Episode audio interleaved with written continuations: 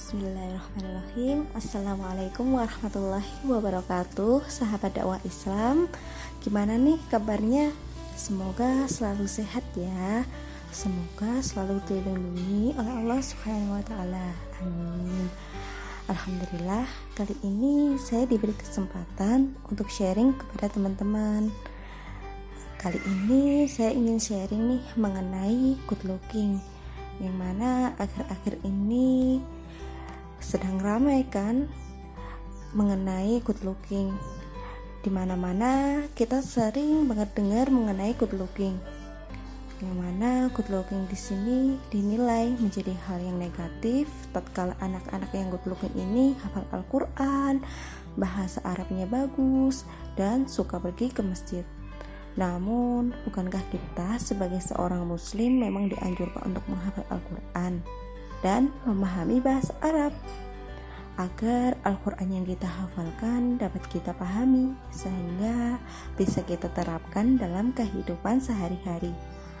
Di sisi lain, Allah juga menganjurkan kita sebagai seorang muslim untuk menjaga kebersihan dan penampilan seperti yang Allah jelaskan dalam Quran surat Al-Maidah ayat ke-6. Bismillahirrahmanirrahim. Wahai orang-orang yang beriman, apabila kamu hendak melaksanakan sholat, maka basuhlah wajahmu dan tanganmu sampai ke siku, dan sapulah kepalamu dan basuhlah kedua kakimu sampai ke kedua mata kaki. Jika kamu junub, maka mandilah jika kamu tidak memperoleh air, maka bertayamumlah dengan debu yang baik lagi suci. Allah tidak ingin menyulitkan kamu, tetapi Dia hendak membersihkan kamu dan menyempurnakan nikmatnya bagimu, agar kamu bersyukur. Ada pula dalam Quran surat Al-Muddasir ayat keempat, Wasya bahafat tohir, dan bersihkanlah pakaianmu. Yaitu makna dari Quran surat ini dalam tafsir Ibnu Kasir dari Ibnu Zaid rahimahumullah mengatakan bahwa dahulu orang-orang musyrik itu tidak pernah membersihkan dirinya. Maka Allah memerintahkan kepada Rasulullah untuk bersuci dan membersihkan pakaiannya.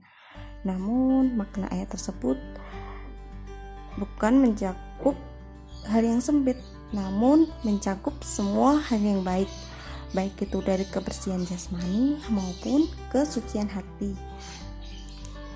Karena sesungguhnya orang-orang Arab itu menyebut hati mereka dengan sebutan pakaian.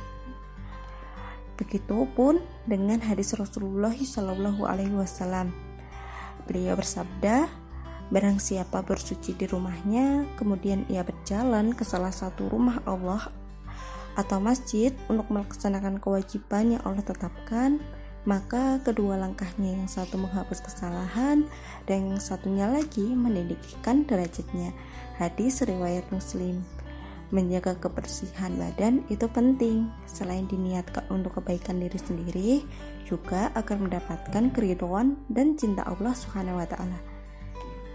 Dari sahabat Nabi Said bin Al-Miyyasad berkata bahwa Rasulullah Shallallahu alaihi wasallam bersabda, "Sesungguhnya Allah itu baik dan menyukai kebaikan. Allah itu maha bersih dan menyukai kebersihan. Allah itu maha pemurah dan menyukai kemurahan. Allah itu maha mulia dan menyukai kemuliaan. Karena itu bersihkanlah diri kalian. Hadis riwayat Az-Tirmidzi. Jadi terlihat good looking saat pergi ke masjid itu sudah dari perintah dari Allah dan Rasulullah.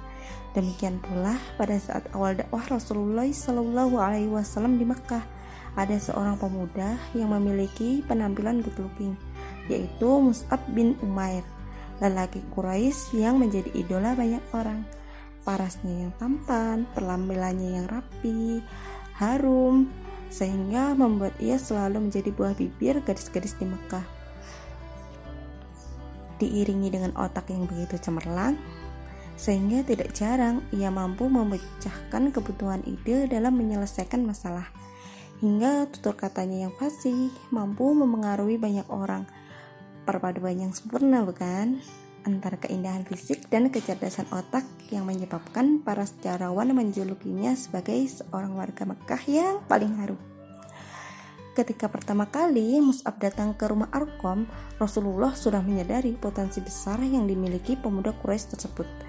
Penampilannya yang good looking tentu akan mempermudah penyebaran dakwah Islam ke berbagai wilayah.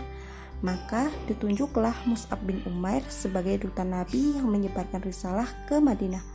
Sejak saat itu, sejarah mencatat Mus'ab bin Umair sebagai duta pertama Islam. Keputusan Rasulullah pun tidak pernah salah penampilannya good looking yang dimiliki Mus'ab bin Umair berbuah hasil terbukti dari terjadinya peristiwa Bayat Aqobah yang kedua di mana Mus'ab berhasil menyentuh hati 73 orang laki-laki dan dua perempuan dengan cahaya Islam. Peristiwa tersebut semata-mata terjadi karena hidayah Allah. Dibantu pula berkat penampilan Mus'ab yang good looking. Penampilan yang good looking mempermudahnya cahaya Islam untuk masuk kepada seseorang. Serta Mus'ab bin Umair juga piawai merangkai kata-kata hingga mampu membuat Usaid bin Al-Hudayr atau salah satu kepala suku di Madinah tidak berkutik hingga beliau mau untuk masuk ke dalam Islam. Seperti halnya Mus'ab yang good looking secara penampilan saja belum cukup perlu juga diimbangi dengan kecerdasan otak dan kefasihan lisan seperti yang dimiliki oleh Mus'ab bin Umair saat berhadapan dengan Usaid bin Al-Hudayr. Jadi, apakah Mus'ab bin Umar adalah orang yang radikal karena berpenampilan good looking, memiliki kemampuan berdakwah, serta penguasaan bahasa Arab yang bagus? Justru beliau adalah tonggak awal mulanya berdirinya daulah Islam, yaitu di Yastrib atau Madinah. Nah, begitulah kira-kira kutuluknya ala sahabat Nabi. Hmm, dan di akhir podcast ini baik ini untuk diri saya sendiri maupun kepada teman-teman yang sedang mendengarkan ini semoga podcast ini bermanfaat dan bisa memotivasi untuk menjadi seseorang yang good looking yang memiliki pemikiran cemerlang serta menjadi good looking ala sahabat-sahabat Nabi itu impian semua orang. Yang mana semua orang itu memimpikan menjadi hafiz memiliki kemampuan bahasa Arab yang bagus serta kemampuan menjadi public speaking. Semua itu adalah karunia serta nikmat Allah yang luar biasa. Bisa jadi Allah telah memilih untuk meregenerasi Mus'ab bin Umair di generasi saat sekarang menjadikan duta-duta Islam zaman now, serta menjadi tonggak awal mula kebangkitan daulah Islam.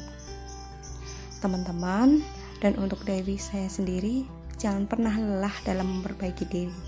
Terus berjuang, apa pun tuduhannya mengarah pada Allah, Rasulullah, dan agama ini hanyalah bumbu dalam kita menggenggam dan menyerukan agama ini ini itu baru permulaan kita untuk kuat dalam kebaikan dan kebenaran.